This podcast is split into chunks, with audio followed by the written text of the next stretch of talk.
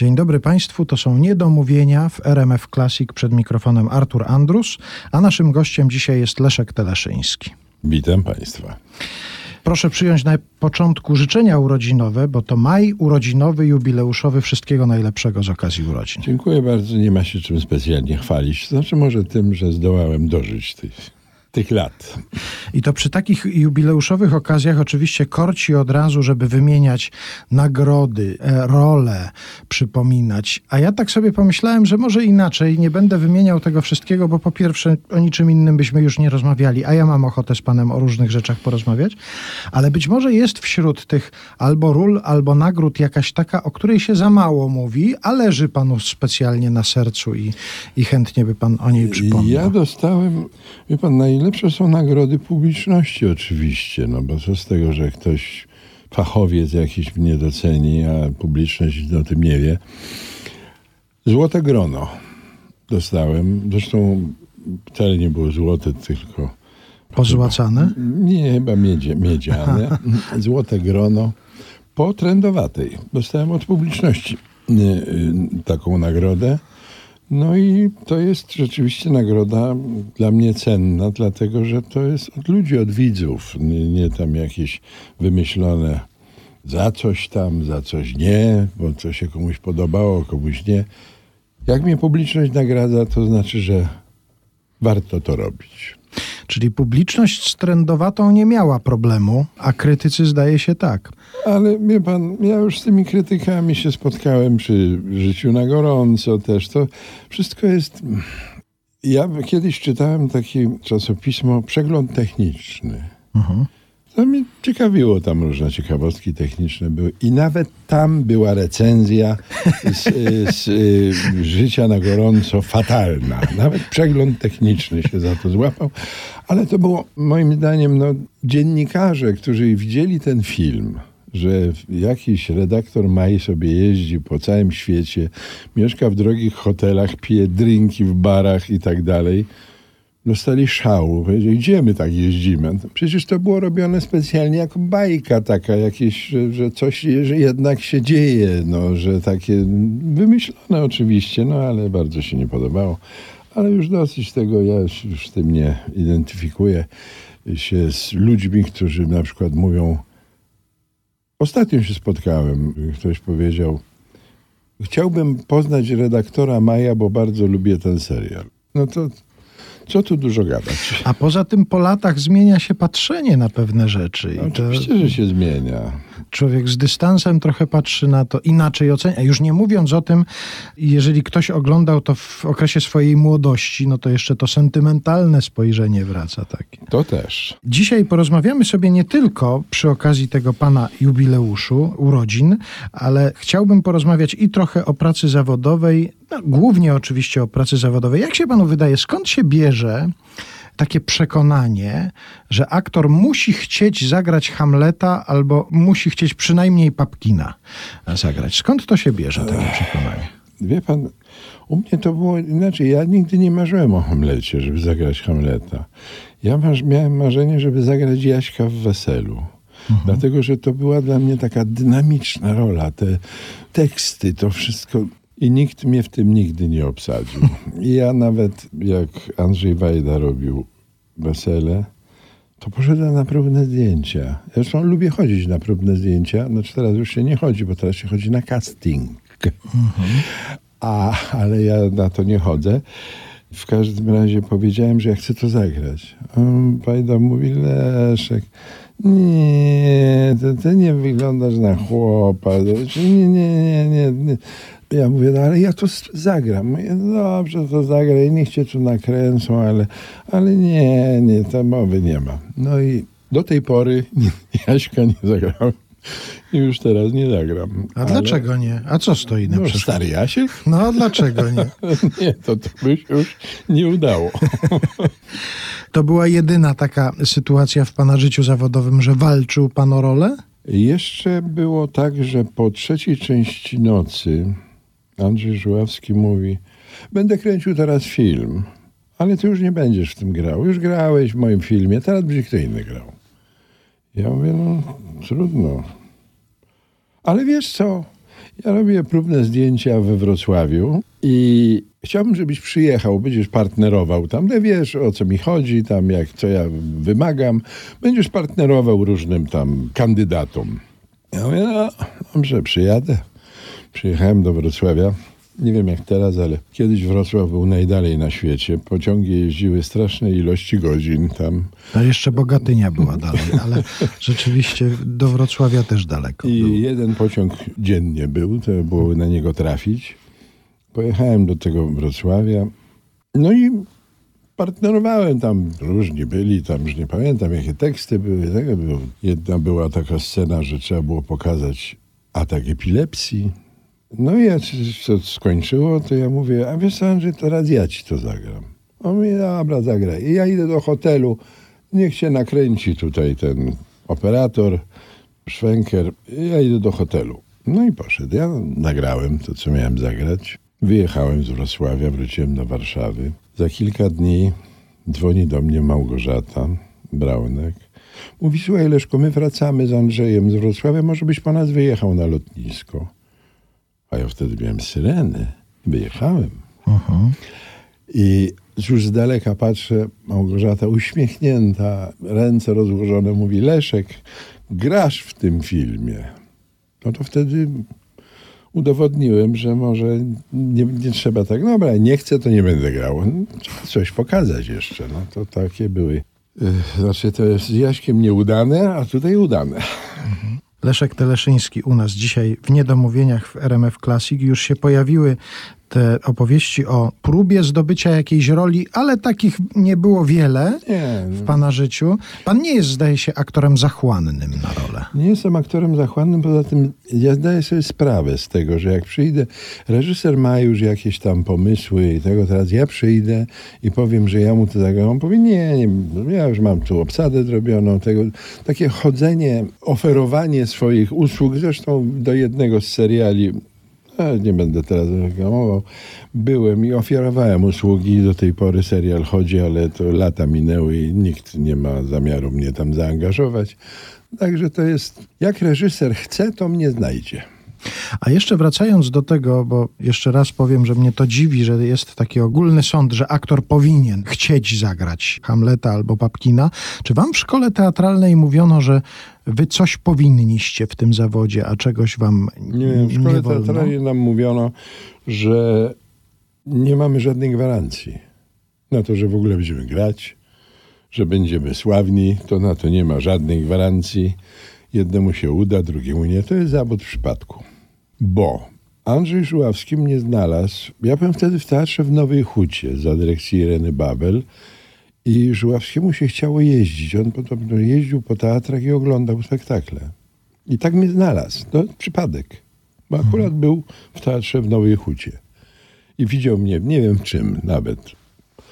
I zaprosił mnie na te próbne zdjęcia i wtedy, jak już zostałem zaproszony, to musiałem dać z siebie wszystko, żeby to zagrać, co on chce.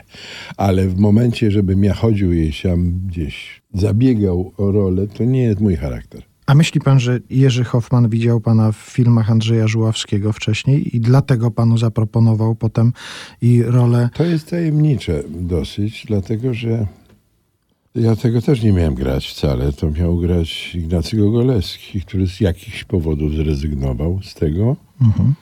I następny w kolejce byłem ja. Jakim cudem on mnie widział, gdzie to nie wiem. No bo właśnie, bo gdyby zobaczył pana w tych filmach, trzecia część nocy czy diabeł, to nie wiem, czy by się zdecydował właśnie na. Chociaż w sumie no, to Radziwił trochę miał chyba z tych charakterów, które pan przedstawił em, może w tych wcześniejszych filmach. A do trendowatej to już rozumiem było precyzyjnie zaproszenie. precyzyjnie. Z... Tak, tak, tak. Było to, ja miałem to grać i to już on sobie tak wymyślił. Znaczy Jerzy, Jerzy Hoffman. nie on. Tylko wspomnieliśmy o szkole teatralnej. Pan ukończył krakowską szkołę Tak, teatralną, bo to było pana miasto, Kraków. No tak, tam się urodziłem i tam żyłem 21, 2 lata. A potem w Warszawie już od, od tamtego czasu już w Warszawie. Ale ma pan jeszcze w Krakowie jakieś swoje miejsca? Zdarza się tam przyjeżdżać, e, zajrzeć w miejsca, w których się mieszkało, Zbigniew wychowywało. Wodecki, tak? Lubię miejsca. Lubię wracać tam, gdzie byłem. już. Nie, no lubię oczywiście Kraków i mam tam przyjaciół też, nawet z liceum. Ja się słabo zaprzyjaźniam, ale za to przyjaźń trwa strasznie długo. Ja nie porzucam przyjaciół.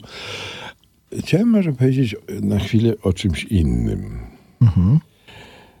To, co teraz ja czytam w, w internecie o jakimś Starkingu, w szkołach teatralnych, po prostu ja, włosy dęba mi na głowie stają, a mam je jeszcze, wprawdzie siwe, ale mam. I ja przypominam sobie swoje czasy w szkole teatralnej. Więc ci nasi wykładowcy, ci aktorzy wspaniali, grający w teatrach, równocześnie jak nas tam próbowali czegoś nauczyć, to byli nasi przyjaciele. Ja sobie w ogóle nie czytam z przerażeniem to, co się niby teraz dzieje. To byli nasi przyjaciele, którzy robili wszystko, żeby, żebyśmy jak najwięcej skorzystali. Wtedy, jak ja byłem w szkole teatralnej, dziekanem był Eugeniusz Fulde. To jedyne, które. To był żart. Szliśmy razem korytarzem do, do takiej salki, gdzie y, on nas uczył charakteryzacji. I oczywiście otwierałem drzwi do tej salki, przepuszczałem pana dziekana przodem, on wchodził, zamykał za sobą drzwi, mi przed nosem. Ja otwierałem, mówię, pan się spóźnił. Takie były szykany. Pan wspomniał gdzieś w jakimś wywiadzie kiedyś, że szkoła teatralna uczyła was też kindersztuby. Ale no tak, absolutnie, no to wiadomo. Zresztą y, wracając do Eugeniusza Fuldego, się przedstawiał, znaczy poczucie humoru, jakie przedstawiał się, jestem Fulde Eugeniusz sceny polskiej. to też, no takie wspomnienia same dobre. Egzaminy były męczące, bo trwały jeden dzień od rana do trzeciej w nocy. Wszystkie egzaminy po tym. Także potem już leżeliśmy na wykładzinach i czekaliśmy na wyniki, żeby wywiesili listę przyjętych. To już nam było wszystko jedno, czy się dostanę, czy nie, byle się przespać i odpocząć. No, ale szczęśliwie się dostałem. A jeszcze wracając do Krakowa, w którym miejscu Krakowa pan się wychowywał? Gdzie pan mieszkał? Ja się wychowałem na ulicy. O, Tak. a na, ulicy którejś Sta- konkretnej? Tak, na ulicy Staszica, brukowanej, bo ja mieszkałem na szlaku, róg Staszica. Tam jeszcze był skład węgla wtedy i wychowałem się na ulicy. No Bo co, rodzice pracowali, to ja po prostu jak miałem już czas od szkoły, to z kolegami na ulicy. No dobrze, ale to potem z tej ulicy się trafia do jakiegoś liceum i czy to tam nastąpił ten moment na przykład, że pan pomyślał w ogóle o szkole Tak, teatralnej? tak, właśnie w liceum. Imienia Króla Jana III Sobieskiego w Krakowie, drugie liceum ogólnokształcące. Tam była taka tradycja, że myśmy z nauczycielami chodzili do teatru. Taka była tradycja tam, że tam się chodziło do teatru. I ja pamiętam, jak byłem w teatrze starym w Krakowie i było wesele y, w reżyserii Andrzeja Wejdy. Zrobiło to na mnie kolosalne wrażenie. To było w ogóle coś fantastycznego. Ja zresztą, jak słucham Wyspiańskiego, to zaczynam mówić wierszem. I rycerz, to była, tam w kącie leżała zbroja, taka złożona. I w pewnym momencie ta zbroja, jak rycerz miał, to było na jakichś linkach niewidocznych podczepione. Ogromna ta zbroja, nie taka zbroja na mężczyznę, tylko ogromna zbroja zrobiona. I ta zbroja nagle wstawała. To była ta magia teatru właśnie. Teraz ja mm, jestem przeciwny temu, że teraz w niektórych teatrach jest tak, że się publiczność prowadzi za kulisy, pokazuje, a tu się tą blachą robi pioruny, tutaj tego. Nie ma już magia, do widzenia. To musi być magia. Nie wiadomo, co, jak to się dzieje. No to na tym polega teatr, moim zdaniem. Czyli to właściwie ten spektakl zadecydował, że pan pomyślał Nie o tylko tym? ten, dlatego że ja tam również w tym liceum było kółko teatralne i jak grałem, było król i aktor Bransztytera, ja grałem króla. To liceum mnie tak jakby pchnęło do tego, żeby się zająć aktorstwem. I jeszcze pani profesor od matematyki, profesor Trukowska, która wiedziała, że ja jestem ukierunkowany na aktorstwo, a z matematyki nie byłem dobry, to delikatnie mówiąc, to ona mówiła, Leszek, ja wiem, że ty będziesz aktorem, ale żebyś ty chociaż umiał te garze policzyć. No to nigdy nie miałem z tym kłopotu. Jeszcze wracając do szkoły teatralnej, to często się w opowieściach różnych aktorów zdarza opowieść o tym, jak trudno było się dostać, że pięć razy, sześć razy zdawali. Panu gładko, zdaje się, poszło. No jeden dzień od rana do trzeciej w nocy i się dostałem. A pamięta pan repertuar, który pan przygotowywał na, na egzamin? skąd? Jak wiersze, prozę, no, gdzie bym ja to pamiętał 100 lat temu to było. Śpiewało się też? Tak, śpiewało się też. A potem w zawodowym życiu nie ciągnęło pana w tę stronę? E, Do śpiewu? Tak. Nikt mi nie proponował. Ja mam tam tu taką odpowiedź. Mhm. Nikt mi nie proponował. Kiedyś słyszałem, jak Wojciech Młynarski mówi, Teleszyński nie śpiewa, bo jakby śpiewał, to ja bym coś o tym wiedział. No, ja, nikt mi nie proponował, więc się nie, nie pchałem. A to może trzeba było zadzwonić do Młynarskiego i powiedzieć mu, zaraz, zaraz, to chodźmy, spróbujmy, może, może, Może coś... trzeba było. Wracając do Krakowa, to tam po raz pierwszy pan stanął też na deskach prawdziwego teatru. Tam pan pierwszy Teatr- angaż dostał. Teatr Ludowy w Nowej Hucie za dyrekcji Ireny Babel. Czy w ogóle brał pan pod uwagę wtedy, na tym etapie swojego życia, gdzieś przenoszenie się w jakieś inne miejsca? No na pewno na tym etapie nie. Mhm. Na tym etapie nie, ale potem namówił mnie do przejścia do Warszawy oczywiście Andrzej Żuławski. Przeszedłem wtedy do Teatru Narodowego na dwa sezony, a potem za dyrekcją Augusta Kowalczyka już byłem w Teatrze Polskim do emerytury. Powiedział pan w pewnym momencie naszej rozmowy, a zresztą to się gdzieś od czasu do czasu w różnych innych rozmowach e, pojawia ten wątek, że pan się niełatwo zaprzyjaźnia. Ale że już jak ta przyjaźń jest, to ona jest na zawsze, jest bardzo trwała. Czy w tym środowisku, w środowisku artystycznym, aktorskim, ma pan takie trwałe przyjaźnie? W aktorskim nie. Ja mówię z liceum na przykład koledzy. Y, Śmieszne było, bo 50-lecie matury, potem 55-lecie matury. Tośmy się spotykali. Oczywiście nie ze wszystkimi, no, ale mam takich sprawdzonych kolegów właśnie z liceum. Ale no, jednak to życie aktorskie to też jest w pewnym sensie trochę życie towarzyskie. Czy pan w nim nie brał udziału i w związku z tym nie ma pan takich przyjaźni? Nie brałem udziału. Ja po prostu się nie, nie angażowałem w takie sprawy. Ani na ścianki nie chodziłem, ani na takie spotkania. A, no kiedyś to nie było ścianek jeszcze, to nie No, trzeba było, było. a teraz jest dużo ścianek. Może niektórzy nadrabiają brak ścianek sprzed lat. Jeszcze, jeżeli chodzi o pana życie zawodowe, ja zauważyłem, że jest chyba ważna część, bo jak się przegląda pana biografię, to to jest y, dosyć znaczący element tej biografii. To są książki mówione. Tak, tak, tak. To rzeczywiście bardzo lubiłem to. Wtedy to się skończyło, bo mm, nagrywałem głównie w Związku Niewidomych w Warszawie. To wszystko chyba upadło, bo ja nie mam tam żadnych kontaktów już. Mam bardzo dużo od ludzi różnych na ulicy. Uwielbiam pana książki. Były jeszcze takie, do mnie dochodziły głosy, że niektórzy słuchacze y, mówili, co tam nagrał Teleszyński, wszystko jedno co byle jego. Także to jest bardzo miłe i bardzo sympatyczne. Jeszcze teraz do niedawna w jakimś supermarkecie podszedł do mnie pan z ochrony. Mówi, uwielbiam słuchać pana książek, moja żona też. To, to są bardzo miłe rzeczy, naprawdę, i to jest takie podnoszące na duchu. Jednak jest człowiek jeszcze trochę potrzebny. Niestety to się skończyło. Ja tam podobno, tak mi powiedziano, bo tam ktoś to liczył, nagrałem 250 czy ponad 250 książek. Lubiłem to bardzo, mimo że to była praca no, prawie charytatywna, bo to wynagrodzenie było bardzo niskie, ale sprawiało mi to dużą satysfakcję. Kiedyś tego nagrywałem, nie wychodziłem z tego studia tam, książka za książką dostawałem. Teraz się skończyło. Tak samo jak się skończyło to, co bardzo lubię, y, moje wizyty w radiu, w słuchowiskach różnych. No ale tak to już jest. No, nie narzekam, nie skarżę się, siedzę sobie w domu na emeryturze. Także zobaczymy, może się uda gdzieś we wrześniu wyjechać z moją małżonką.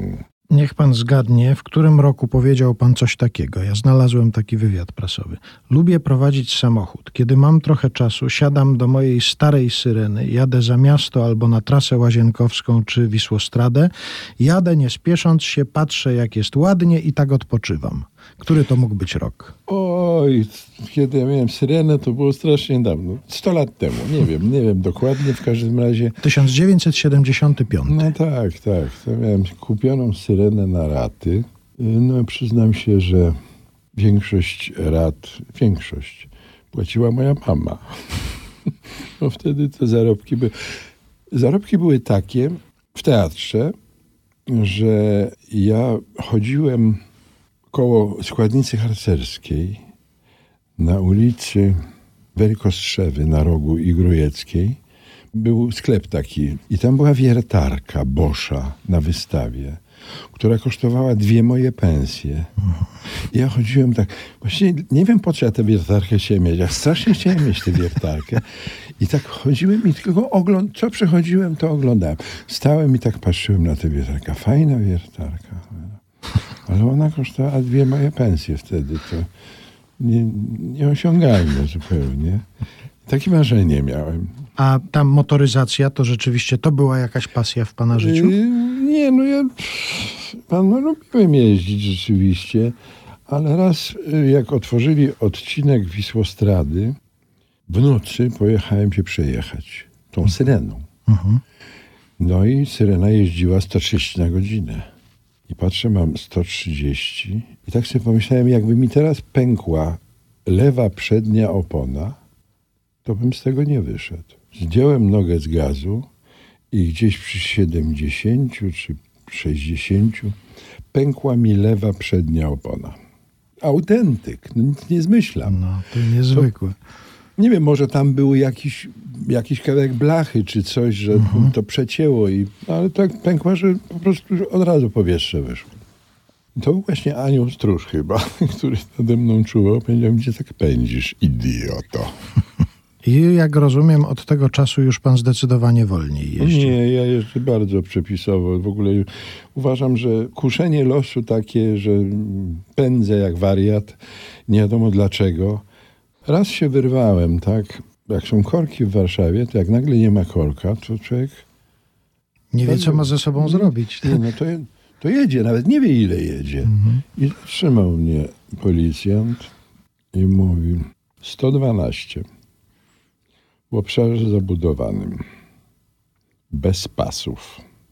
Jak pan tak będzie jeździł, to się pan zabije.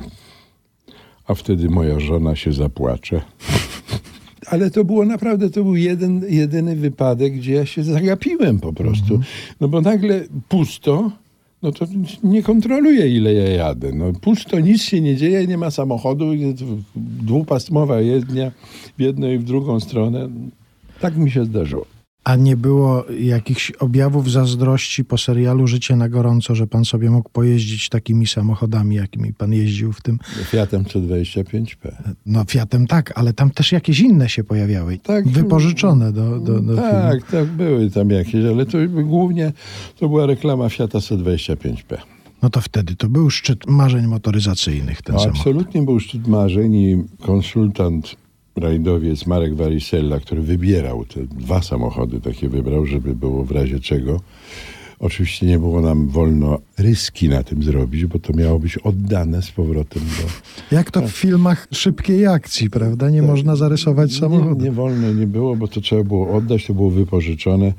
To był Fiat 125P Monte Carlo z zielonym silnikiem. To było ważne. Z zielonym silnikiem. To, to coś znaczyło.